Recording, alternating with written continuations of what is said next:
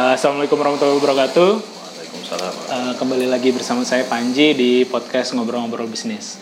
Dan kali ini di sebelah saya sudah ada Syekh Al Budi Al Jogja, Budi Al Jogja.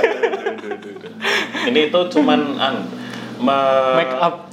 Mengutarakan potensi. Jadi ternyata berpotensi tumbuh. Oh gitu. Kalau berpotensi kita harus nyatakan potensi. itu. Oh gitu. Sebelah saya ada uh, Mas Budi uh, Suwondo, Prabowo Suwondo ya. Budi Prabowo Suwanto. Benar ya, Budi Prabowo. Kita nama aku nama belakangnya Prabowo, dirimu nama tengah ya. Iya, betul. Nama Prabowo. Mas Budi ini kita udah kena eh, apa? Aku sama Mas Budi udah kena Dua- berapa ya? 2011 ya. Apa 2010 ya kita waktu 2000 itu? 2011 11 2011 ya, Nah, 2011 2011. berarti udah delap- Ini 9 sembilan. tahun. Udah 2020 udah hampir 9 tahun udah hampir 10 tahun lah bentar lagi. Kerasa. dan sekarang profesinya sebagai apa di, dirimu perkenalan dulu boleh? Oke, eh, saya profesinya sekarang dosen di Universitas Islam Bandung, eh, lebih khususnya dosen fisika dosen fisika di Ah. Universitas Islam Bandung. Islam Bandung oh ya Iya. bukan Unisba tuh bukan Universitas Negeri Islam Bandung Enggak, oh bukan. bukan, bukan negeri oh aku pikir N-nya tuh itu Uninya tuh universitas. Universitas oh iya iya Islam banyak Bandung. Eh, eh, eh, udah berarti eh, dosen fisika eh, Unisba gitu ya. S1. S1 di di Fakultas MIPA, cuman prodinya di farmasi. S1 di Fakultas MIPA cuman masuk prodinya di hire-nya di, di prodi farmasi Betul, kayak iya. gitu. Karena belum ada Fisikanya. tapi FMIPA udah ada. FMIPA udah ada. FMIPA-nya apa isinya kalau di Matematika, statistika, sama farmasi baru tiga itu. Oh, farmasi tuh eh, masuk, Masuk FMIPA. FMIPA, oh, bukan ada fakultas farmasi sendiri gitu ya. Iya, dia masuknya ke Maksudnya MIPA. FMIPA. Oh iya iya. iya. Nah kenal Mas Budi sebenarnya tadi ya tahun 2011 kita waktu itu sama-sama terpilih, cuy terpilih. kita sama-sama ngikut program Kemenristek waktu itu namanya masih Kemenristek dan belajar tentang uh, manajemen inovasi dan bisnis di Jerman ya waktu itu simpelnya kayak gitulah. Iya. Selepas dari situ kita ngerjain uh, project di kota masing-masing. Aku di Bandung, Mas Budi di Jogja ya. Di Jogja uh, ngerjain project intermediator teknologi. Nah mungkin pertama aku tanya Mas, kalau sekarang kan profesinya dosen. Cuman ketika lulus dulu kan uh, ngambil ke intermediator teknologi kan. Hmm. Itu uh, apa waktu itu yang dibayang? Ap- Apa dari dulu pengen jadi dosen tapi belok dulu atau bagaimana? Jadi sebenarnya eh, waktu zaman S1 tuh kan kayak zaman-zaman idealisme gitu ya. Oke. Kesannya kayak sekarang udah walaupun- idealisme lah, Walaupun idealis sekarang lagi. masih ideal, tapi ide- Lebih pragmatis. idealisme. tapi ya idealisme agak ke arah yang sedikit berbeda. Oke. Nah, jadi dulu waktu S1 tuh sebenarnya eh, memang agak galau gitu ya. Hmm. Memang sudah ada ketertarikan di dunia akademisi gitu kan, karena memang saya suka dengan ilmu fisika itu sendiri. Uh, oh ya S1-nya fisika, S2-nya juga fisika, Fisika, ya. Dua-duanya iya. fisika murni ya. Murni. Oke. Nah, cuman waktu itu tuh lagi zaman-zamannya istilahnya ngebum mulai ngebum entrepreneurship kan di kalangan mahasiswa di waktu itu. Eh Oh ya Mas Budi ini eh, S1 S2 UGM ya, di UGM, ya. ya, S1, S2 Fisika di UGM berarti. Fisika UGM. Nah, terus waktu itu eh, saya itu waktu begitu mau menjelang lulus nih, saya terus berpikir, apakah saya langsung mau mengejar karir sebagai akademisi yang artinya habis ini saya langsung ambil S2 atau waktu itu saya mau cari pengalaman dulu nih, dunia kerja yang nyata itu sebenarnya kayak apa gitu kan. Waktu seiring waktu berjalan saya mutusin kayaknya saya mau coba dulu deh dunia kerja yang non akademisi itu kayak apa gitu ya. Waktu itu ya nyoba beberapa pekerjaan sana sini, habis itu kenapa ke intermediator waktu itu sebenarnya karena peluang. Hmm. Jadi waktu itu kan informasinya emang kayak nggak tersebar secara umum ya. Iya. Nah, waktu itu saya dapat info Kalau tersebar secara umum, saya nggak akan lolos. mungkin saya juga. Jadi ya apa ya, ya uh, kodarullah. Tapi dirimu kan apa? Pinter kan maksudnya secara akademis Eh, nah, IP-nya bagus kan lah ya. pinter tuh begini. IP-nya bagus tapi waktunya lama. Jadi apa, mengkompensasi gitu ya. Le- lebih tepatnya saya saya apa ya eh, ngotot gitulah. Oke, Kayak, oke, oke. Jadi karena memang suka ya drive-nya itu sebenarnya. Ah. Eh, jadi waktu itu dapat infonya itu dari temen yang dia udah jadi dosen UGM. teman seangkatan Temen seangkatan udah jadi dosen. udah dong. jadi dosen Tapi eh dirimu 2004, 2004. lulus 2000 2010 6 tahun. tahun, Oh, ya. Aku 2006 lulus 2011. Nah, nah itu itu teman kan kalau yang lancar kalau zaman dulu itu kan orang S1 ma- udah bisa direkrut jadi dosen ya? Zaman zaman se- dulu itu. Oke, aku- kalau sekarang nggak bisa harus S2 harus S2 minimal. kalau zaman dulu S1 udah bisa, Bisa. gitu. Kalau kelihatan ini anak oke langsung direkrut biasanya sama kampusnya. Nah temen itu ada yang gitu. Nah waktu dia di situ kayaknya dia dapat terusan informasi itu dari bahwasannya Kemenristek Dikti ada program intermediasi teknologi itu Iya. ya. Terus di forward ke saya. Hmm. terus habis itu saya udah daftar, Daftar, dan lolos. lolos Alhamdulillah. Ah. alhamdulillah kita ketemu akhirnya Berarti memang gara-gara tujuannya ingin mencoba uh, mencari pengalaman dulu sebelum masuk ke akademis dan juga gara-gara ada gaung-gaung entrepreneurship. iya betul Uh, dan intermediator ini kayak jembatan keduanya lah ya. Iya, Sedikit-sedikit entrepreneur karena mencari peluang usaha Betul. dari teknologi dan sedikit-sedikit kerja dalam tanda kutip karena di bawah ristek kayak Iya gitu ya. betul. Oh, Dan oke. dulu kan istilahnya yang selalu kita dengarkan jargon triple helix. di kampus uh, Di sebenarnya kalau saya sih kenalnya malah waktu kita ke intermediasi. Inter- Tapi kan helix waktu kita sih aku lupa. triple helix Government kan itu ya? ya. Oh, iya, iya. akademisi, Ah. bisnis sama government Iya ya. kan? iya iya iya. Jadi eh, memang pengen ke akademisi, Ah. terus merasakan juga dunia bisnis itu kayak apa. Ah. Terus kita juga bisa eh, sekaligus berinteraksi dengan pemerintah, Pemerintah. gitu kan ya. Ah. Waktu itu kan saya masih ingat waktu itu kan kita seleksinya disuruh bikin esai gitu ya. Uh, aku agak Iya, lupa, aku sih ya. Tapi aku dulu bikin, Bikin esai. esai, ya. Esainya ini kan udah mengarah arah ke situ ya. Jadi kan kita harus kayak memutar otak dengan apa ya kreativitas sendiri apa sih Ah. Iya, iya, hubungannya? iya, iya, Gitu. iya. Oh iya iya betul betul betul. Iya. Iya, kalau aku dulu karena aku di teknik fisika memang udah fakultasnya fakultas teknologi industri kalau di ITB itu jargon transfer teknologi tuh udah di FT banget sebenarnya di teknik fisika iya, iya, banget. iya, Jadi udah udah relatif udah sering digaungkan sih apa transfer teknologi, frontier teknologi yang kayak gitu-gitu udah udah frontier engineering yang kayak gitu udah udah udah cukup dekat. Jadi pas bikin ah ini kayaknya gue udah apa materi-materi kakak tingkat waktu osjur aja yang bikin nih kayak gitu gitu lah. Jadi emang udah akrab udah akrab dengan istilah-istilah. Maksudnya karena udah ya memang ha- eh, harusnya di FTI itu di Fakultas Teknologi Industri dan khususnya di eh, Teknik Fisika eh, sebagai jembatan antara engineering dan fisik. Tapi waktu itu hanya terbatas di eh, fisika ya di engineering ke industri sehingga kalau di intermediate teknologi kan nggak nggak hanya engineering kan, tapi ada bioteknologi, ada farmasi juga dan macam-macam gitu sih. Jadi Iya, betul. jadi kurang lebih eh, ini kayaknya bikin esainya dulu eh, nginget-nginget zaman-zaman osjur aja sih ininya. Jadi mungkin proses itu lebih lancar buat kamu. Iya lebih lancar. Karena tapi bahasa Inggris kayaknya ya. Kayaknya kendalanya adalah harus bahasa Inggris nggak sih? Ah lupa. Lupa ya, harus- Ah, lupa. Iya kayaknya ada yang bahasa Inggris segala gitu Ah. ya. Eh, lupa sih. Nah, ketika jalanin itu apa yang eh, menurutmu baik untuk diambil? Atau apa yang kamu pelajari deh waktu waktu itu? Yang jelas waktu itu eh, apa ya? eh, jelas itu pengalaman baru dan Hmm. paling nggak membuka mata bahwasanya kenapa negara maju itu maju. Oke. Contohnya waktu itu kan kita dikirim Jerman. ke Jerman ya. Ah. Eh, kalau di sana itu di masyarakat Eropa mungkin ya, Ah. itu memang secara umum eh, masyarakatnya itu kan memandang teknologi itu memang sebagai solusi dan itu berakar di keilmuan ya.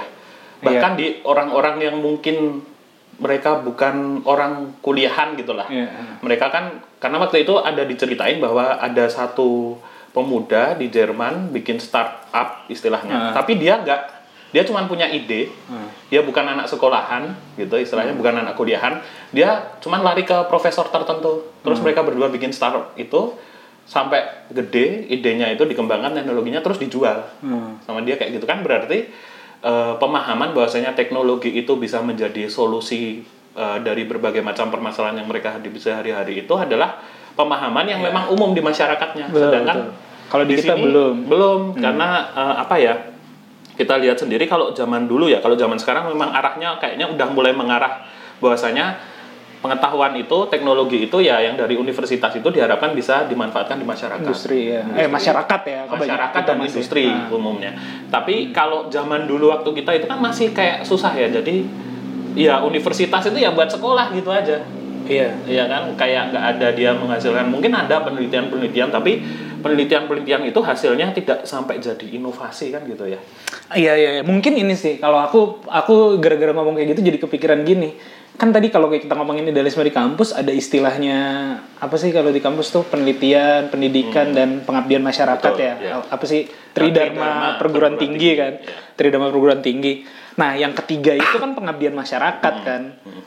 T- tidak ada embel-embel komersialisasi, Hmm. tidak ada embel-embel industrialisasi gitu. Jadinya eh, jangan-jangan eh, mindsetnya pendidikan, penelitian, pengabdian masyarakat yang penting membuat sesuatu yang berguna di masyarakat, tapi Hmm. tidak komersil atau tidak industri. Begitu nggak kira-kira apa secara Eh, mindset ya? Atau ya- masyarakat ini luas memang? Ya kalau zaman dulu mungkin arahnya ke situ ya. Hmm. Tapi eh, satu juga mindsetnya yang mungkin kita kurang pahami adalah eh, industrial istilahnya itu apa? Komersialisasi hasil riset itu bukan berarti kita tidak mengabdi ke masyarakat. Karena kalau kita bisa komersialisasi hasil riset, tumbuh bisnis bisnis baru, itu kan berarti menyerap tenaga kerja dari Iya. masyarakat juga pasti ada kontribusinya. Kadang hal-hal itu yang mungkin kadang kurang dimengerti. Jadi Iya tapi eh, tapi pada saat misalnya ketika aku kuliah tuh kesannya yang ditimbulkan yang di yang aku terima ya kalau yang aku secara pribadi terima yang dikatakan pengabdian masyarakat adalah eh, bikin bakti sosial atau misalnya eh, atau kegiatan kampus dulu tuh eh, apa sih namanya ke desa ya, ke mana lebih kita sosial gitu ya. iya kita memikir eh, misalnya di sana ada waduk eh, air bersih kurang ya udah dari waduk tersebut kita olah jadi pemurnian penjernihan Iya. kayak gitu misalnya dan dan kita kasih secara free aja gitu tidak ngomongin bisnis ya Iya, iya betul. Kak. Memang zaman dulu kayak gitu. Termasuk waktu saya KKN dulu juga gitu sih. Jadi nggak arahnya bukan kayak ke bener-bener memberdayakan. Komdev ya. Kalau Iya, sekarang kan ada community iya. development yang mana Iya. mereka bisa hidup dari situ dari ada uangnya juga Iya, gitu kan betul. ya. Cuman sekarang memang udah mengarah ke arah yang lebih baik sih saya lihat. Kalau sekarang, Nah, belakangan kalau sekarang ini ya. karena memang salah satu yang jadi eh, apa dilihat ketika universitas itu turun ke masyarakat misalnya ke desa itu Nah. salah satunya adalah mengembangkan bumdes istilahnya gitu badan usaha Ah, milik desa BUMDes, dan lain ah. sebagainya jadi kan itu lebih ke apa ya memang memberdayakan masyarakat tersebut bukan cuman kalau yang kayak tadi Nah. Memberi. kan kita ngasih ya Ngasih, betul. gitu. Ah. Kalau itu sekarang Udah arahnya arahnya udah begitu, ya. udah ke arah yang Bener lah. bener Nah, eh, yang didapat waktu itu mindset satu Mindset, yang paling ya. utama. Apalagi tuh? Terus habis itu apa ya? Ya yang jelas kita bisa kayak membandingkan masyarakat yang di sana dengan yang di sini. Hmm. Yang di sana itu eh, istilahnya apa ya? Ya semua serba teratur, serba rapi gitu ya. Tapi kalau kita di Jerman kan memang terkenal gitu. Hmm. Ha. Orang di Jerman itu kan jam yang ada di stasiun sama jam tangan semua orang sama persis. Iya, iya. Jadi ini, jadi kalau itu memang udah karakter ya. Hmm, Ini aku satu rumah ada berapa jam beda semua. kalau di sana kalau di sana kereta mau berangkat gitu kan nggak ada pengumuman kereta akan segera Iya, diberangkatkan tahu-tahu berangkat aja kalau iya, udah iya, karena gitu. udah jamnya. Ah, Iya, iya, betul, betul, betul. iya tapi ya itu terutama juga eh, satu yang berkesan itu adalah eh, bisa dilihat dari nama eh, kementeriannya kan di sana Nama kementerian, oke. waktu itu kan kementerian yang kerjasama sama Ristek itu kan Kementerian Pendidikan Tinggi atau iya. itulah di Jerman. Ah. Cuman ternyata yang lucu itu ada kementerian namanya adalah Kementerian Teknologi dan Ekonomi kan. Iya, iya, iya. Jadi mereka memang menghubungkan Driven ekonominya adalah Iya, teknologi betul, ya. gitu. Iya Jadi sih. saya Iya lihat sih, aku jadi inget ini tahun 2000 apa sih yang Piala Dunia Jerman Brazil itu ya? 2014 ya? Ah lu Yang J- Brazil kebantai parah 7-0 atau 7 berapa Iya, gitu. itu. Ya itu. Ah, lah lupa ya. ya pokoknya 2014 kalau nggak salah. Nah, eh, setelah menang yang di yang di Rio de Janeiro, yang di Brazil eh, yang di yang di Brazil ya kalau nggak salah. samanya ini Mesut Ozil ada segala itu kan. Ada ada, Iya, tapi eh, bukan yang dulu lagi. Mesut Ozil kan udah beberapa kali Piala Ah. Dunia kan, yang kalau nggak salah 2014. Eh, yang mana eh, setelah menang berapa lama eh, ada berita-berita berapa bulan kemudian ada berita kena analisa kenapa Jerman bisa menang Hmm. karena pendekatan teknologi ternyata trainingnya itu training based on research and teknologi Hmm. misalnya mereka ternyata di di Brazil udah punya villa mes sendiri untuk latihan Hmm. selama berbulan-bulan sebelumnya agar pemainnya terbiasa dengan udaranya Hmm. kayak gitu-gitu bahkan secara teknologi diukur dulu nih eh, pemain-pemain lawannya uh, kecenderungannya seperti apa kalau kalau uh, tim-tim lawan kecenderungannya seperti apa di dianalisa secara teknologi gitu. Hmm, iya. Kalau nggak salah aku pernah pernah baca. Aku itu jadi ingat pernah lihat liputan di TV itu kalau nggak salah apa ya Winter Olympic atau apa di Jepang gitu lah. Ah. Winter Pokoknya Olympic, oke. Pas musim dingin. Ah. Nah itu ternyata di pemerintah Jepang itu ngeluarin jaket khusus untuk para atlet. Nggak tahu atlet Jepang sendiri Ah. atau atlet yang kayaknya buat atlet Jepang sendiri. Jadi u- hanya untuk bikin jaket itu mereka itu risetnya itu bener-bener sekian bulan sebelumnya itu Hmm. perusahaan pakaiannya itu jadi dilihat misalnya kalau temperatur turun gimana caranya jaketnya itu eh, istilahnya tetap ringan tapi temperatur di dalam terjaga terus Hmm. Oh, nanti hmm. efeknya kalau orang keringetan Lari, ya. gimana jadi itu dicek orang pakai jaket lari terus entah diambil apanya data-datanya gitu dianalisa Jadi, Iya, iya, maksudnya dalam konteks apalagi ekonomi, maksudnya ini kan yang drivennya tuh olahraga mah eh, cuman bukan cuman sih apa ya, sekedar eh, kebanggaan negara lah. Walaupun mungkin ada driven ekonomi juga di sana ya. Kalau menang mungkin jadi lebih naik namanya, ekonomi lebih aku juga nggak tahu. Cuman teman secara secara negara pasti ngelihatnya hanya untuk kebanggaan kan. Kita Iya. menang di Olimpik, kita menang di eh, Piala Dunia kan eh, tidak ada apa ya? Ada Keuntungan kontribusi secara langsung secara ekonomi nggak sih? iya.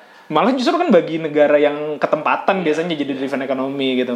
Oh, aku ingat karena dibahas setelah itu adalah fasilitas-fasilitas yang dibangun sama Jerman di sana Hmm. diberikan ke pemerintah Brazil. Jadi seolah-olah setelah selesai pun ini biar bermanfaat buat Hmm. ya, ya, eh, ya, ya. karena kan ditinggal pasti kan gitu bermanfaat buat jadi mereka memang membangun fasilitas di membangun Brazil. fasilitas di Brazil gitu loh. membangun fasilitas di Brazil untuk untuk makanya eh, ini analisanya baru baru muncul setelah jauh berapa bulan setelah menang gitu loh baru ada artikelnya gitu aku baca gitu kan. Jadi sampai segitunya Iya ya, pendekatan serius teknologi ya serius untuk hal-hal yang ya, dalam tanda kutip remeh lah. Iya. Walau nggak bisa dibilang remeh juga itu industri juga sih sebenarnya.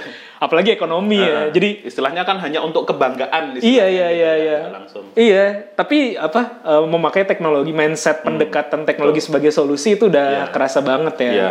Jadi itu sebenarnya yang sangat berbeda dengan kalau kita pas balik ke Indonesia kan kita Hmm. waktu itu salah satunya kan menghubungkan antara UKM UKM Hmm.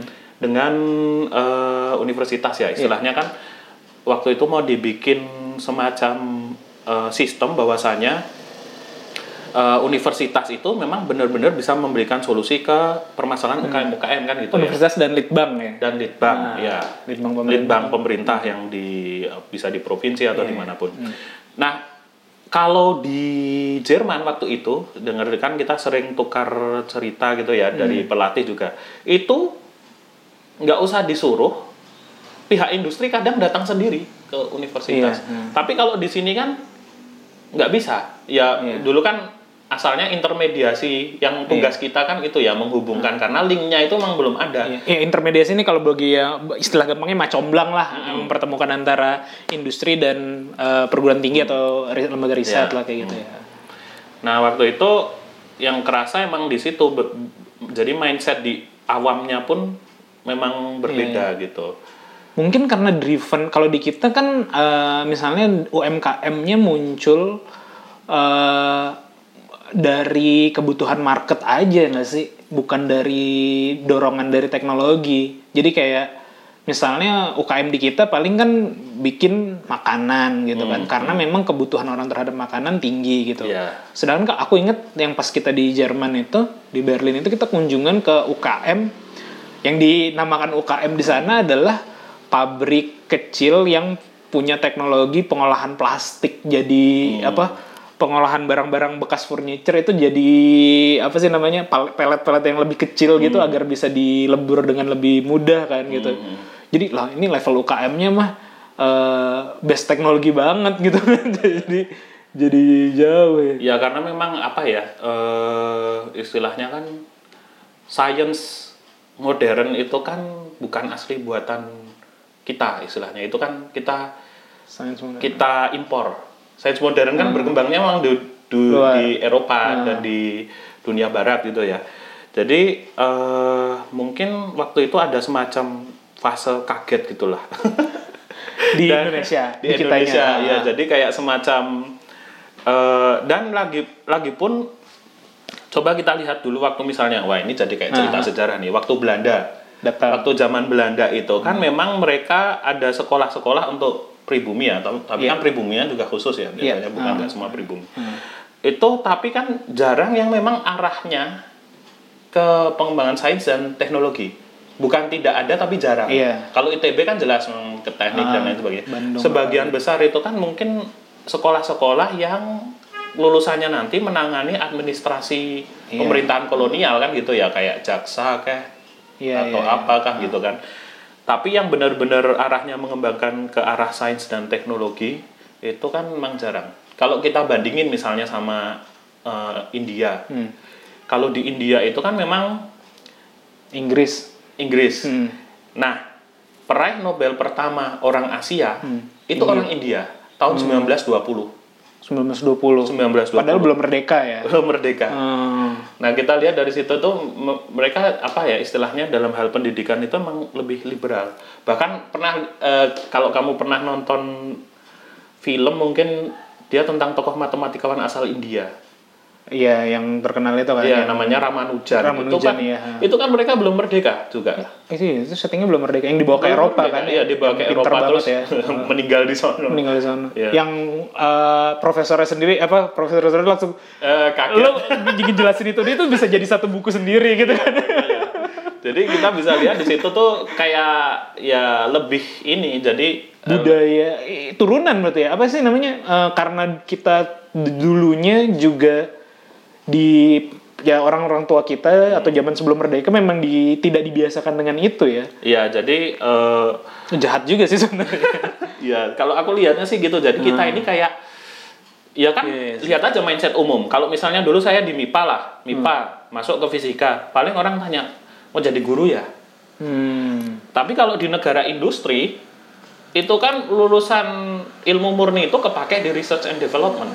Iya, kalau iya. di sini kan nggak ada research and developmentnya sendiri gitu. Maksudnya kita itu bukan negara industri, nggak tahu kalau sekarang ya udah mulai ke arah situ. Tapi kalau zaman dulu kan bukan. Jadinya gimmick juga masih masih gimmick aja sih Nah itu perlu pembahasan Khusus. khusus. Nah kalau kalau kalau sekarang karena kita itu bukan negara industri, eh, jadi lulusan ilmu murni itu orang ya taunya ya, kalau nggak jadi guru ya jadi tentor ngajarnya. Hmm. Padahal itu di bank untuk atau- untuk menerima segala jurusan Iya benar yang menerima segala jurusan. iya sih Nah kalau kita mau lihat di Amerika sendiri emang kesadaran masyarakat secara umum itu baru muncul setelah Perang Dunia Kedua terhadap teknologi terhadap bahkan ilmu murni. Ah. Dulu mereka nggak tahu ini orang fisika tuh ngapain sih. Tapi sejak mereka bikin bom atom, Hmm. mulai mulai oh ini ya pemahaman dasarnya tuh begini ya. Itu kan Hmm. istilahnya hukum dasarnya itu ada di fisika. Tapi bukannya penemu penemu eh, yang kita ketahui yang yang ini ya yang yang klaim penemu kan banyak kan dari Amerika kan kayak Newton itu kan Amerika kan. Newton Inggris mas. Oh, Newton Inggris ya? Iya, Isaac Newton yang Inggris. Dan dia itu sebelum dia kan tahun berapa ya? Abad 17 kalau nggak salah Iya. Newton iya. tuh. Tahun atau ini Alexander Graham Bell itu nah, kan itu sebelum Amerika. sebelum Thomas Alva Edison Thomas Amerika. Alva Edison nah, tahu nggak ada ada yang menarik. Aku eh, pernah bikin semacam artikel gitu tentang Hmm. pentingnya mengembangkan eh, sains Hmm. dan apa hubungannya ke ekonomi gitu. Oke. Eh, waktu itu eh, aku ngasih contoh perang dunia kedua itu menariknya gini. Perang dunia kedua itu kita bisa katakan itu adalah perang yang dimenangkan oleh sains. Oke. Yang pertama, kemenangan di dataran Eropa kan ada dua front Iya. perang nih. Yang pertama di Eropa, yang kedua di Pasifik. Kalau Pasifik kan Jepang. Jepang. Kalau di. Eropa kan Jerman. Jerman. Hmm. Nah, waktu itu tuh kan kemenangannya itu salah satu penyokong utamanya itu adalah karena eh, sandi Jep- sandinya Jerman Jerman ter dipecahkan, oleh ya. mesin namanya Enig- Enigma Enigmanya si di Alan Turing. Alan Turing ya. Nah, Alan Turing itu kan matematikawan. komputer pertama ya Iya. ya. Jadi waktu itu kan sebenarnya mereka udah tahu Jerman itu mau bahkan ada Iya, filmnya itu kan iya, iya. mau ngapain tapi jahat juga sih sebenarnya filmnya ya. Maksudnya kalau memang itu adalah pure kenyataan seperti itu, Iya, iya, itu iya. jahat juga sih. Iya, Nah, tapi- bahwa di- dibiarkan aja perang karena Dibiarkan. kalau kalau Ketahuan. dika- iya jadi mereka tahu apa ya mereka ketahuan kalau sandinya udah kebaca bocor, jadi betul. diganti jadi Iya. ya lebih panjang dikorbankan beberapa orang Oh, gitu. banyak sih jutaan loh itu kan maksudnya Nggak cuma Iya, beberapa. cuma beberapa sih. Aku soalnya kan nonton uh, film misalnya kayak Band of Brothers itu kan juga Hmm. Uh, uh, kan kalau nonton film Alan Turing uh, itu udah tahun 43 lah. Maksudnya dua tahun sebelum perang berakhir udah ditemukan dan udah mulai terbaca. Tapi kalau film si Band of Brothers misalnya kalau kita sama-sama referensi film dan Iya. dua-duanya ada irisan dengan kenyataannya adalah tahun 43 tuh masih perang dan masih bunuh-bunuhan gitu loh. Masih Iya. terjadi banyak ini Iya, benar-benar front bahkan penerjunan itu. iya penerjunan yang di day itu kan juga harusnya udah kebaca kalau ya Nah, menariknya lagi, itu kan front front kalau misalnya kita anggap itu eh, benar benar gitu Nah, ya, dan, kemungkinan benar kemungkinan benar Nah, itu kan berarti seolah-olah kemenangannya itu adalah kemenangan informasi kan, betul betul yang informasinya itu dipecahkan oleh orang matematika. Iya. Sedangkan kemenangan di Pasifik bom atom bom atom, Iya, iya, dua iya. bom atom yang dibuat oleh Ledakan, ya, di- ya, ya. orang fisika Orang yang fisika. ilmu ilmu dasarnya orang fisika bekerja sama dengan orang teknik mereka mengembangkan bom atom. Dari situ kita lihat itu kemenangan sains. Nah, lucunya gini, kamu tahu nggak istilah eh, bukan istilah lembaga namanya eh, NSF di Amerika itu NSF. National Science Foundation. oh tahu Jadi dia itu kayak suatu lembaga yang emang ngurusin pendanaan riset sains oke di Amerika. Nah itu proposal pendirian NSF itu diajukan sekitar mungkin Juni Juli 45 Juni Juli 45 beberapa bulan sebelum Jepang kalah, kalah nyerah ya Iya, di Ah. bom atom. Ah. Dan itu atas perintah Presiden Roosevelt kalau nggak salah. Ah. Kalau nggak salah atas Presiden Roosevelt ada Nah ini ada anggota DPR Amerika itu namanya Senator Bush nggak tahu ada hubungan dengan Presiden George Bush, yang ya. sekarang kan bapaknya juga bapaknya Bush kan juga presiden kan Iya, kalau George Bush, George W. dua, Bush, ya, ah. tapi yang ini kan di atasnya, Di atasnya lagi, jauh tahun lagi ya. 45. Tahun 45. Kakeknya mungkin ya. Nah, namanya itu senatornya kalau nggak salah Vannevar Bush atau siapa Vannevar, gitu. ah. Nah, itu waktu itu kirim surat eh, ke Vannevar Bush, Roosevelt oh Roosevelt kirim surat Iya. ke itu tolong bikin proposal bagaimana kita akan memanfaatkan sains di masa damai. hmm. Itu kan ada sinyal berarti kita ini udah menang walaupun perang belum belum berakhir. Tahun Juni Juli tahun 45, 45 ya. beberapa Oh, bulan sebelum, kemenangan. bom, iya ya. kemenangan bom atom itu kan terus dia bilang karena kita udah melihat bagaimana sains ini sangat istilahnya powerful Hmm. di masa perang Heeh. jadi kita perlu persiapkan bagaimana kita kan di masa damai kayak gitu Hmm. Hmm. dan ada istilah lagi satu orang sekretaris of defense-nya waktu perang perang dunia kedua di Amerika Hmm, itu ngomong kita menang perang karena ilmuwan Jerman kita lebih bagus daripada ilmuwan Jerman mereka. sama-sama ilmu Jerman ya. Iya, kan pada bahkan, kabur. Iya, bahkan kan beberapa ditarik kan. Iya. Kayak Einstein dia ditarik, Iya. diselamatkan lah Iya, dalam tanda diselamatkan dulu. Terus kan. yang bikin roket siapa itu? Si- Eh, von siapa Iya, iya, itu, itu kan? Iya, iya, ditarik juga, betul. ditarik duluan lah. Iya. Karena di Jerman dibunuh-bunuhin Iya, gitu kan. Iya, iya, iya. Dia bilangnya gitu, kita menang perang karena ilmuwan Jerman kita lebih bagus dari ilmuwan Ah. Jerman mereka. Jadi memang waktu pas ke Jerman eh, ngerasa tadi ya eh, mereka dorongan terhadap mencari solusi, Hmm. ekonomi, apa pun itu dari sains dan teknologi ya, Betul. dari drivennya dari driven sains dan Iya. teknologi itu kerasa banget sih.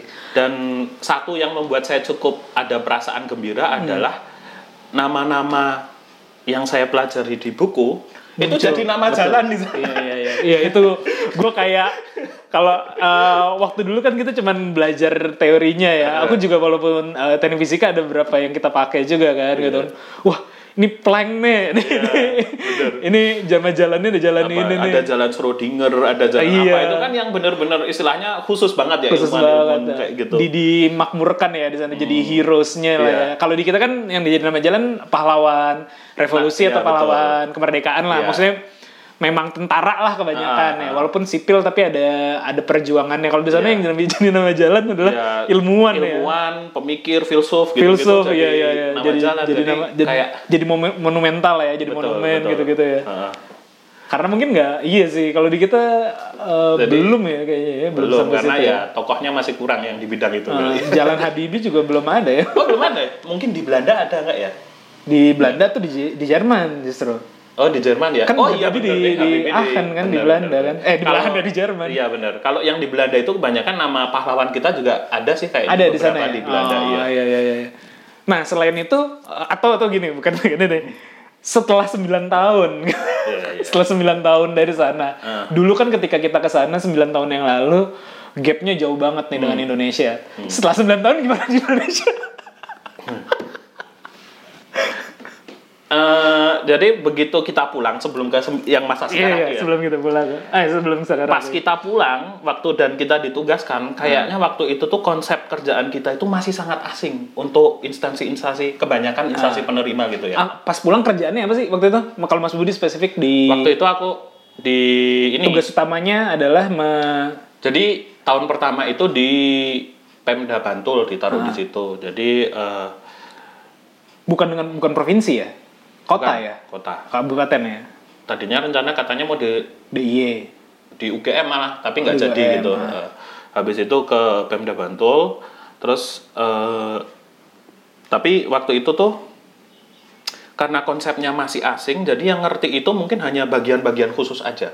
Oke. Padahal kita bisa lihat misalnya dari satu lembaga kementerian aja yang bisa kita tarik kerjasama tuh banyak. Hmm. Cuman masalahnya ternyata waktu itu di lapangan itu pada jalan sendiri-sendiri gitu. Kayak seolah-olah kurang mengetahui ini ini ini gitu kan. Jadi saya lihat oh gitu. Terus termasuk juga ketika kita ke banyak perkenalan ke banyak lembaga dan lain sebagainya itu kayak semacam konsep yang masih agak asing jadi kayak perlu waktu Iya. untuk ini kan Penyesuaian. penyesuaian. Nah, Jadi jadi ibaratnya ketika pulang dari sana udah punya konsep bahwa apa sebagai intermediator atau transfer teknologi nih seperti ini kerjaannya. Pulang ke Indonesia ternyata konsep tersebut belum banyak yang tahu. Jadi Betul. kita di awal lebih banyak eh, menjelaskan yang Iya. akan aku lakukan dan pentingnya ya kenapa ini harus dilakukan adalah begini begini begini Iya gitu betul. ya. Tapi biasanya yang waktu itu tuh eh, yang paling cepat mengambil konsep itu tuh biasanya memang universitas. Karena waktu Iya, itu di di UGM udah mulai arahnya ke situ dan mereka mendirikan bahkan direktorat baru dulu waktu itu di bawah kantor rektor gitu Rektor. ya. Eh, itu mendirikan direktorat baru yang arahnya memang eh, ke arah pemanfaatan hasil riset Hmm. gitu. Eh, tapi kalau di kalangan awam sih masih Jauh masih- lah ya. Iya jauh. Iya, satu driven, maksudnya gini, kalau di sana kan industri mencari teknologi di kampus atau di litbang itu banyak, karena memang kebutuhan. Kalau di sini kan eh, litbang itu di perusahaan, eh, kalau mau litbang itu kayak nggak males gitu, budgetnya kecil juga, Iya. terus juga apa ya? eh, ya udah mengandalkan yang ada aja Iya. dan market aja, driven by market aja udah udah jauh lebih ini gitu. Iya. Jadi kebutuhan industrinya kecil, risetnya juga belum engah harus, eh, researchernya Iya. belum engah juga harus memberikan kontribusi Iya. gitu ya. Iya sih berat ya.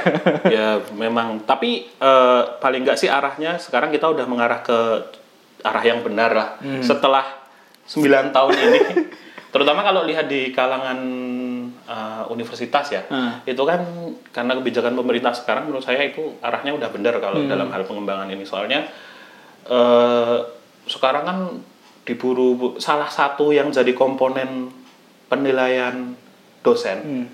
itu adalah paling nggak yang pertama itu memang dia publikasi riset kedua itu adalah hak kekayaan intelektual Oke. jadi kayak paten dan lain sebagainya itu termasuk cukup mendorong Kum. ya kum dan itu karena itu bagian dari kum juga dan Hmm. skornya lumayan Skornya tinggi kum, ha. itu banyak juga yang terdorong memang ke arah situ jadi mereka mulai kalau dulu eh, bayangin aja misalnya farmasi lah kan saya di farmasi saya lihat sendiri kalau farmasi itu kan orientasinya produk Iya. Iya kan mereka benar-benar dulu membuat gitu. produk Hmm. ya kan. Tapi kalau mulai dari zaman dulu sampai sekarang yang benar-benar produk misalnya bisa benar-benar keluar dari farmasi. Bayangin dalam satu tahun orang skripsi farmasi bikin produk itu berapa banyak?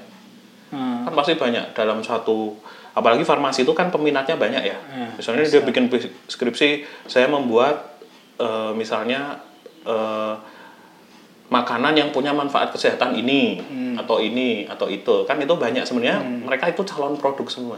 Hmm. nah yang jadi masalah itu ada nggak suatu sistem di kampus sendiri itu yang akhirnya menangkap itu yang Hmm. menilai itu oh ini sebenarnya layak terus ada nggak yang bisa menghubungkan itu ke industri misalnya Hmm. gitu kalau di Jerman kan kayak dulu aku bulan kedua itu kan ke Munchen ya Munchen. Hmm. itu aku diikutkan di lembaga namanya Tumtek Tumtek itu kayak TU semacam Munchen ya. ya punya TU Munchen Nah, TU tuh Technical University, University, Munchen. eh, di Munchen.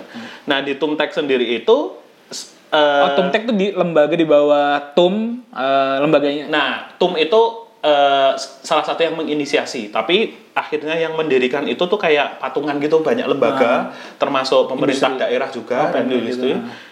ayo kita bangun lembaga ini. Nah, nanti itu salah satu kerjaannya itu adalah ya tadi kayak Mak Comblangin. Jadi kalau ada orang industri butuh apa-apa itu ketum dulu. ketum tek Terus nanti ke ya tumtek terus nanti eh, oke saya cariin siapa profesor yang bisa nanganin masalah kamu. Dan itu nggak harus ketum. Dia Ah, database-nya banyak ya. Selama itu Ah. dia nanganinnya area Bavaria gitulah. Ah. Semuanya bisa dicari sama dia. Nah, terus habis itu ada juga kantor-kantor di eh, universitas itu yang kerjaannya itu menelaah hasil riset riset para profesornya. kampusnya Terus nanti kalau ini menarik, kayaknya potensi eh, bisa diindustrialisasi, ditawarkan ke profesornya. Gimana kalau kita patenkan? Nanti kamu istilahnya ya ada pembagian gitulah. Tapi Iya, nanti iya, semua yang ngurus kita sampai beres gitu. Iya, iya, iya, iya. Anda tinggal duduk, lanjutin. Iya, riset. jadi profesornya juga tidak administratif lah ya, Iya, tidak betul. pusing administratif Tidak pusing. ya. Jadi Iya, itu dan itu memang jalan kan, memang Hmm, benar-benar. Yang apalagi yang mendorong mereka itu salah satunya waktu kita ke ada namanya Fraunhofer. Jadi kayak lembaga penelitian iya. Iya, iya. Fraunhofer, gitu. Fraunhofer. Fraunhofer Institute ya. Nah, Fraunhofer Institute kan ada Max Planck Institute, ada, Max Planck, Fraunhofer Institute. Nah, yang di Fraunhofer Institute itu mereka benar-benar getol setelah dulu ada istilahnya sukses story. Hmm. Dan sukses story-nya tuh mereka bikin MP3.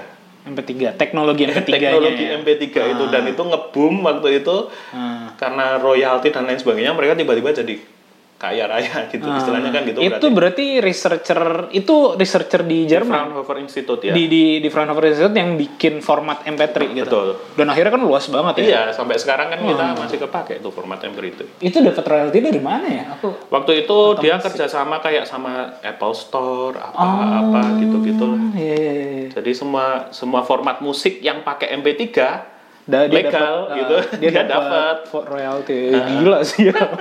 padahal semuanya sekarang MP3 ya. MP3 Iya, kemudian iya, bisa iya. kayak gitu Iya, iya. Nah, ngelihat kayak gitu eh, di kita gimana? Maksudnya belum Nah. belum sampai situ tapi udah lumayan lah, udah lumayan arahnya arahnya sudah ke arah yang benar. Dosen-dosen udah tertrigger untuk Sudah tertrigger untuk riset, riset dan- di beberapa kampus sudah mulai ada Iya. lembaga tadinya Iya, ya, sudah ada. itu. Nah, cuman yang mungkin ke depannya yang masih perlu dikembangkan adalah ekosistemnya tadi. Jadi Hmm. ada nggak yang bisa nangkep itu dan benar-benar menjadikan itu spin off kan istilahnya. Produk Hmm. dari produk yang keluar dari kampus, Oh. spin off dari kampus. Nah, nah, tinggal itu sih. Hmm. Kalau sekarang tuh baru getol-getolnya ngajuin haki. Hmm. Karena itu jadi nilai kum kan. Iya, nah, kan haki itu selangkah menuju ini kan inovasi maksud- lah. Iya, inovasi. In- invensi. Itu baru tahapnya baru invensi, lah invensi, ya, betul. belum ke inovasi. Baru ke gitu. inovasi. Nah, itu. Iya iya iya. Iya sih eh, dan eh, mungkin yang waktu itu kalau aku juga yang menurutku bagus adalah setiap kampus tersebut atau lembaga-lembaga kayak tadi itu jadi kayak one stop solution aja sih. Betul, iya. Kalau di kita kan eh, aku nggak tahu ya, kayaknya ada cuman tidak misalnya di beberapa kampus ada gitu tapi tidak tidak jadi kerjaan utama ya. Jadi jadi misalnya ada dosen yang ditempatkan di situ gitu. Eh, tapi tapi tidak jadi kayak tadi giat untuk mencari no, apa invensi agar bisa dikomersialisasikan. Itu itu belum belum jadi kayak tugas utama lah baru kayak tugas sampingan. Terus juga belum jadi belum ada apa ya kayak one stop solution. Jadi kadang-kadang dosen harus ngurus patennya sendiri Iya, hakinya sendiri. iya. padahal ya harusnya tugas researcher atau dosen ya lu Riset. neliti aja gitu. Yang kayak gitu-gitu diurusin kantor lah. Iya. dan kantor juga mungkin nggak gue nggak tahu sih eh, pembagiannya bagaimana. Apakah royalty sekian persen sekian persennya apa udah diatur apa belum juga? Udah diatur Iya. belum ya kita ya? Kalau itu nggak tahu ya, kayaknya belum sih. Karena eh, kalau pengalaman di kampusku sendiri memang silahkan ibu bapak ibu patenkan nanti kalau misalnya dikomersialisasikan ya silahkan gitu. Hmm, Jadi belum ada belum difasilitasi juga belum, gitu iya. ya dan belum ada ngomongin pembagian Iya betul. soalnya kalau secara apa ya paling nggak secara kode etiknya aja lo kan riset di kampus gua gitu kan Iya. Uh, paling nggak hasil risetnya pasti ada bagian ke kampus Iya. juga Eh, secara ini ya secara normatif aja sih harusnya Nah itu menariknya aku pen- ingat pernah baca artikel di koran itu bahwasanya ini Larry Page sama Sergey Brin itu pernah Google lah istilahnya itu membayar sekian juta dolar ke Stanford karena kan dulu risetnya Awalnya di di situ. di, di situ kan Ah. mereka waktu masih sekolah di situ dan ad- mungkin difasilitasi dan lain Iya, sebagainya. iya, iya, iya. Jadi menarik juga memang istilahnya kan itu simbiosis mutualisme. sebenarnya. Iya betul betul betul. betul soalnya nggak bisa kan kalau di kampus kan ada fasilitas kan ada fasilitas yang bisa dipakai gitu gitu sih. Dan itu sistem itu memang udah benar-benar jadi kalau di luar kan ya di negara maju ya itu yang membuat mereka Hmm. Iya sih. istilahnya maju kalau Hmm. kita kan ya masih ke arah situlah berkembang tapi arahnya memang udah udah bener lah Udah bener arahnya. tracknya Iya, udah udah track lah cuman jaraknya masih 10 kilo lagi masih ya daripada diem ya Iya iya iya iya. Tapi iya udah udah lebih baik. Eh, cuman tri iya ya masih masih ada beberapa kekurangan lah. Tapi mudah-mudahan ini kayaknya sih bukan bukan cuman beban di pemerintah ya. Kalau makin banyak orang yang aware terhadap ini, mungkin di lingkungan terkecilnya dia juga akan mengadopsi. Misalnya Mas Budi di kampus pasti kan juga menyuarakan hal-hal kayak gini kan gitu kan. Ya kebetulan kemarin ikut pelatihan dan beberapa yang ikut ada hubungannya sama Haki sih ya pernah ngobrol cuman se ya sebentar paling nggak menyinggung menyinggung gitu aja Hmm. karena kan butuh istilahnya itu butuh untuk benar-benar mengubah suatu sistem itu kan butuh ya memang keinginan dari yang punya kekuasaan untuk merubah itu istilahnya gitu. dan keinginan itu mungkin muncul juga karena pengetahuan kan Iya, iya. istilahnya kan. Mungkin itu yang perlu disebarkan Iya, sih jadi kita jadi ya atau oh, driven. Sebenarnya sih ya pengetahu ya eh, vice versa ya bisa dari pengetahuan bisa juga driven kebutuhan jadi mencari pengetahuan kan udah bisa kalau kan kalau pemerintah kan posisinya di situ driven driven dari pemerintah itu karena kebutuhan istilahnya insentif gitu kan kayak Hmm. tadi kalau kamu ngajuin haki kumnya tinggi itu kan sebenarnya driven dari pemerintah yang Ah, basisnya iya. kebutuhan Iya. rekayasa yang bisa dilakukan oleh pemerintah Iya, untuk betul. mendorong orang-orang gitu ya iya Iya. sih pemerintah biasanya memang ngasih memang harusnya bekerjanya kan seperti itu gitu, ya policy iya, gitu betul. sih kebijakan insentif kayak gitu gitu yang bisa mendorong ini nah kalau sekarang di dosen eh, apa nih yang dikerjakan sebagai dosen riset juga kah Ya. Nah, ini menariknya di sini. Eh, jadi eh, kan saya ilmu dasarnya fisika dan fisika yang dipelajari pun waktu S1 dan S2 itu bukan yang istilahnya aplikatif. Iya. Tapi teori yang dasar gitu Iya, ya. teori. Teori, yang benar-benar hukum alam, basic hukum alam gitu. Nah, eh, karena saya orang dasar kadang mungkin kita bicara agak lebih filosofis gitu. Oke. Jadi kita bisa lihat sebenarnya kemajuan negara maju itu bukan jadi dalam satu malam ya. Iya. itu kesadaran masyarakatnya secara umum pun walaupun mereka mungkin bukan orang sekolahan terhadap pentingnya sains dan teknologi itu pun bukan dibangun dalam semalam. Itu karena apa? Karena ilmu ini berkembang di sono. Gitu kan? Dan dan mendapatkan istilahnya itu tempat yang tinggi penghargaan yang tinggi contohnya gini. Eh, yang kita pakai di mana-mana sekarang listrik. Hmm. ya kan?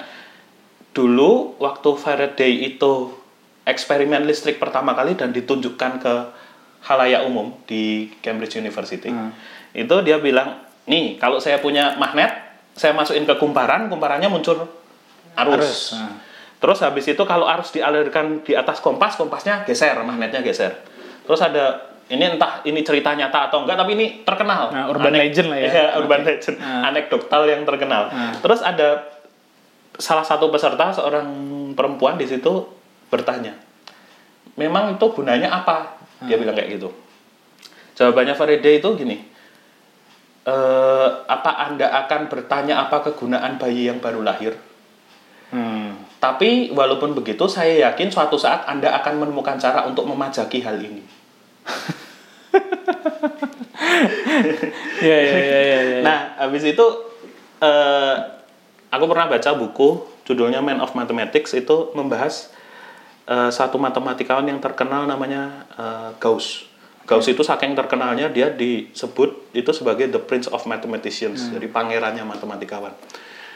Waktu Napoleon itu menginvasi keluar, waktu dia masuk ke Jerman, itu dia ngasih instruksi eh, kota Göttingen nggak boleh dimasukin. Oke, Göttingen. Ya, kenapa? Karena di situ ada Gauss. Hmm. Jadi karena Napoleon itu semacam juga terkenal sebagai patron sains di Prancis. Prancis, ya. nah. Jadi bahkan kita lihat penghargaan terhadap keilmuan tuh kayak gitu. Hmm. Nah, padahal Gauss itu juga mengembangkan banyak matematika yang sangat terpakai di fisika. Maksudnya eh, apa ya? Jadi penghargaan terhadap keilmuan dasar itu yang pada akhirnya membuat teknologi itu juga mungkin berkembang. Iya, iya, gitu. iya.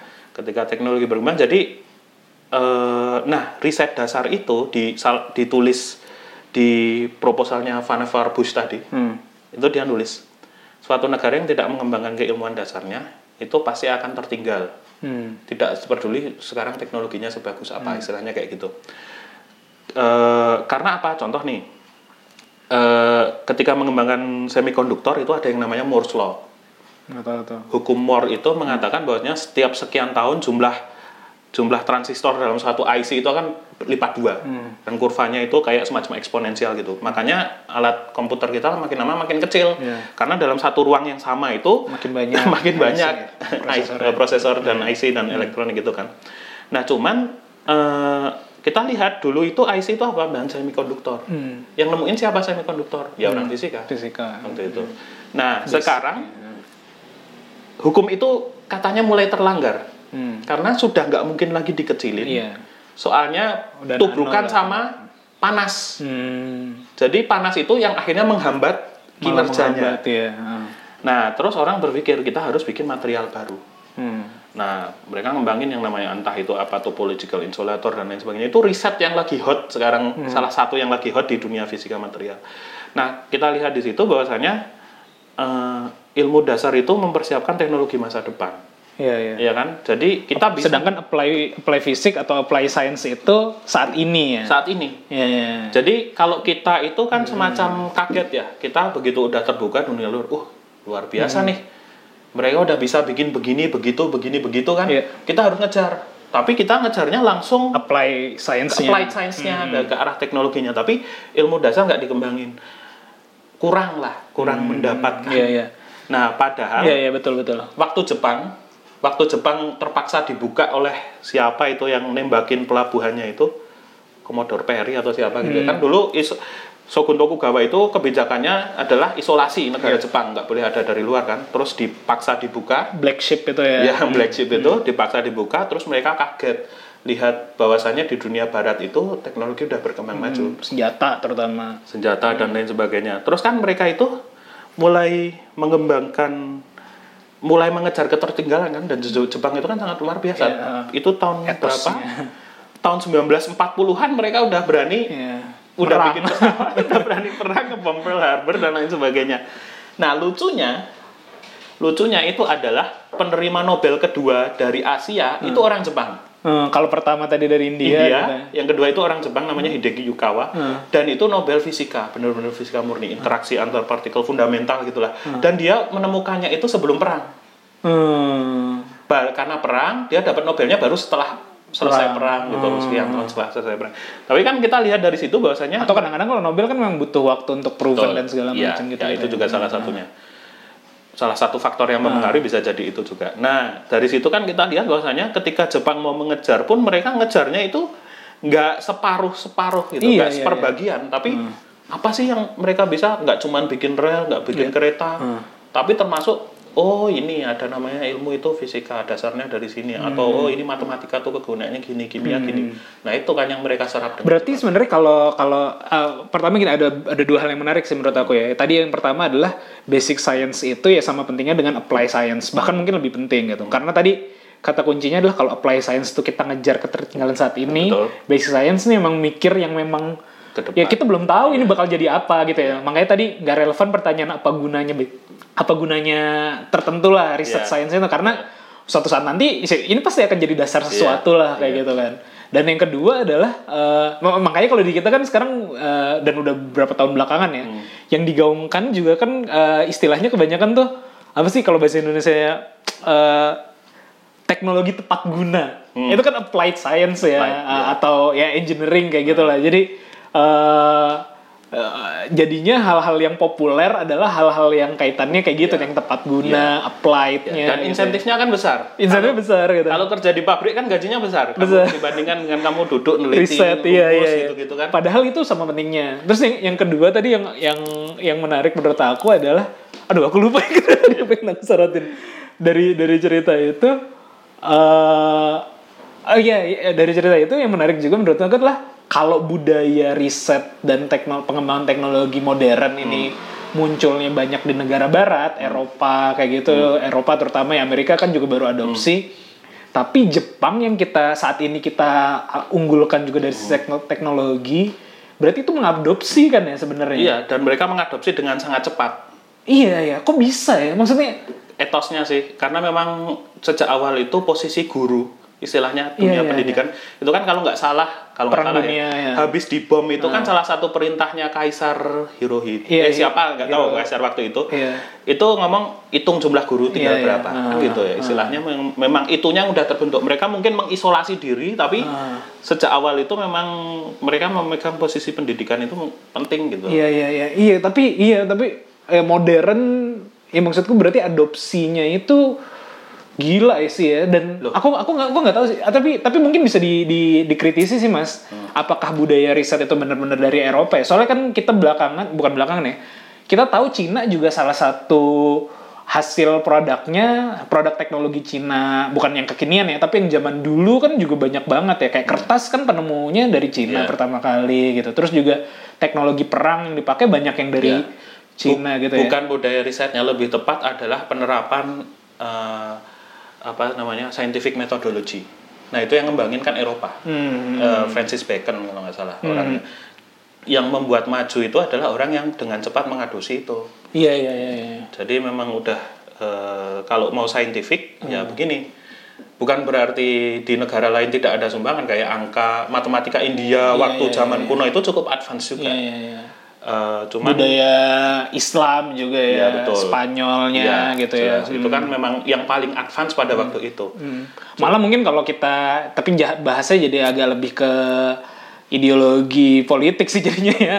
Eh, kan ada beberapa isu bahwa ya teknologi teknologi yang ada di Amerika eh, di Eropa pada saat itu pada saat Eropa masih zaman kegelapan sebelum revolusi industri kan justru yang yang terang adalah yang di Timur Tengah ya, Iya, Turki, iya. Spanyol yang kayak gitu-gitu ya dan eh, perang diambil diadopsi ke sana jadi Iya. dia yang terang kayak gitu kan. Iya. Eh, kita di di di Asia Tengah itu yang jadi gelap gitu kan ada ada ada seperti Iya. Mungkin itu. itu udah ada orang yang membahas, cuman Ah. kayaknya kita belum, saya belum sih belum, belum membahas terlalu. Kemunduran itu kenapa bisa jadi ada kemunduran gitu kan? Karena Iya iya. kalau kita lihat eh, itu kan penting juga karena dulu banyak-banyak negara itu banyak negara yang dijajah dijatuhkan itu kan sebenarnya cuma karena teknologi. Hmm. Nah menarik dulu aku pernah eh, waktu mulai zaman ekspansi orang Eropa mencari Rempah-rempah. rempah-rempah dan dunia baru itu kan waktu yang sama. Iya. Ada buku bagus judulnya Pulau Run itu bagaimana menceritakan Belanda bertukar sama Manhattan. Iya iya iya. Gitu kan? Nah, pulau di Indonesia ya. Iya, gara-gara di New York. rempah-rempah ya. Gara-gara Pala ya rempah-rempah. spesifiknya. Bener. Coba ditukar tuh. eh tapi udah tertukar kan. Maksudnya udah terjadi udah. transaksi. Jadi Manhattan itu kan punyanya Belanda. Ah. Terus menurut istilahnya Kebalik, pengadilan kebalik. mereka, Eh, eh, Manhattan tuh punyanya Inggris. nah Ini yang punya Belanda ditukar. tadinya gitu. Cuman Iya, iya, iya. eh, ada ada sih. gimana gitu. Akhirnya ini kepemilikannya itu secara intern apa dokumental Ah. dokumen itu punya jadi punya Inggris. Tapi si Belanda nggak mau nyerahin. Ah, ya kan karena yang awal emang Belanda jadi di sono waktu mereka di pengadilan di Eropa itu oke ini punyanya enak banget ya pulau di sini oke ini punyamu gitu kan Ah. punyamu Inggris tapi waktu orang Inggris datang ini orang Belanda yang di sini nggak mau istilahnya hostile gitu kan Iya. nggak mau nah terus akhirnya ditukar. si Manhattan itu kan punya Belanda juga Iya. Iya, awalnya iya, iya. terus ada istilahnya semacam pangeran di Inggris yang sebel gitu diinvasi kan diinvasi itu Manhattan terus didudukin ya ya udah kalau kamu mau ini ini buat aku ya itu buat kamu gitu Ah, istilahnya gitu tukeran tukeran gitu ya, gitu. iya, iya. Nah itu menariknya adalah ada catatan kan catatannya masih tersimpan ya. Hmm. Catatan orang kru awak kapal itu satu negeri istilahnya ya negeri pulau-pulau gitu dianggap satu negeri itu hanya ditaklukkan oleh sekian orang Hmm. yang bawa bedil. Iya, iya. Itu kan teknologi ya. Hmm. Jadi iya, iya. hanya dari teknologi itu kamu intinya tuh kualitas memenangkan Kuantitas. kuantitas. Hmm. Nah, kalau posisi sains itu ya di kualitas itu tadi. Iya, kalau iya, kita ingin suatu saat jadi yang terdepan, ya itu yang dasar harus dikembangin kalau Iya, enggak iya, iya. kita ngikut terus nih karena yang nemuin baru pasti yang dari sana terus Iya. wah ada teknologi baru kita ikut Iya, iya. kita bisa jadi ahli juga tapi nanti ada yang baru lagi Iya iya iya. iya. sana Iya, itu karena risetnya udah Iya, iya. basic research basicnya itu ya. udah udah kuat jadi Hmm. mereka nggak ini Iya sih, dan mungkin juga karena kan kita kalau nggak tahu ya sampai sekarang juga masih ada terminologi lembaga litbang, litbang disingkatnya sulit berkembang. kalau di kita. Jadi kalau ditaruh di divisi litbang lah, itu kesannya kayak dibuang kan kalau zaman zaman dulu ya. Mudah-mudahan sekarang enggak lah. Iya. Cuman cuman jadinya eh, apa ya? jadinya eh, masih dianaktirikan lah. Apa ya walaupun udah mungkin anak tiri dengan dengan ibu yang lebih baik. jadinya dipelihara. ya tapi itu jadi jadi concern sih dan mudah-mudahan bisa jadi bisa jadi lebih baik nanti ke depannya. ya harapannya sih itu. Jadi kalau dari dari arah kita memanfaatkan hasil riset ini udah mulai berkembang ke arah yang Ah. benar. Cuman ya itu tadi penghargaan kan terhadap yang basic science sebagai dasar untuk berkembangnya itu yang masih perlu diinikan lagi Iya, sih. iya, iya. karena ya mau nggak mau dari situ. Iya, itu kayak semacam pondasi kalau mau bikin rumah kan. Iya betul. Dasarnya lah ya. Iya, istilahnya kalau kita cuman eh, apa namanya? Kalau kita cuman ngikut terus teknologi sana berkembang terus kita ikut itu, itu kayak kita cuman masih ngontrak nih, belum bikin rumah, ya, betul, Iya, betul, belum betul. bikin rumah iya, sendiri. betul, betul, betul, betul, betul. Sip, sip. Kayaknya gitu dulu mas, karena ini kita mau ketemu sama ex menteri. Mungkin nanti kalau kalau kita lanjut lagi habis ini bikin episode baru aja. Kayaknya Oke. belum banyak yang diulik soalnya kan. Maksudnya Iya. dari sisi apa yang dikembangkan sekarang. Iya, bener. Dulu perjalanan di Intertech. Tapi kita cut dulu sampai sini. Eh, mungkin nanti encore lanjutan. Eh, terima kasih yang udah mendengar mendengarkan. Makasih juga Mas Budi. Ya. Eh, sekian dari saya. Eh, Assalamualaikum warahmatullahi wabarakatuh.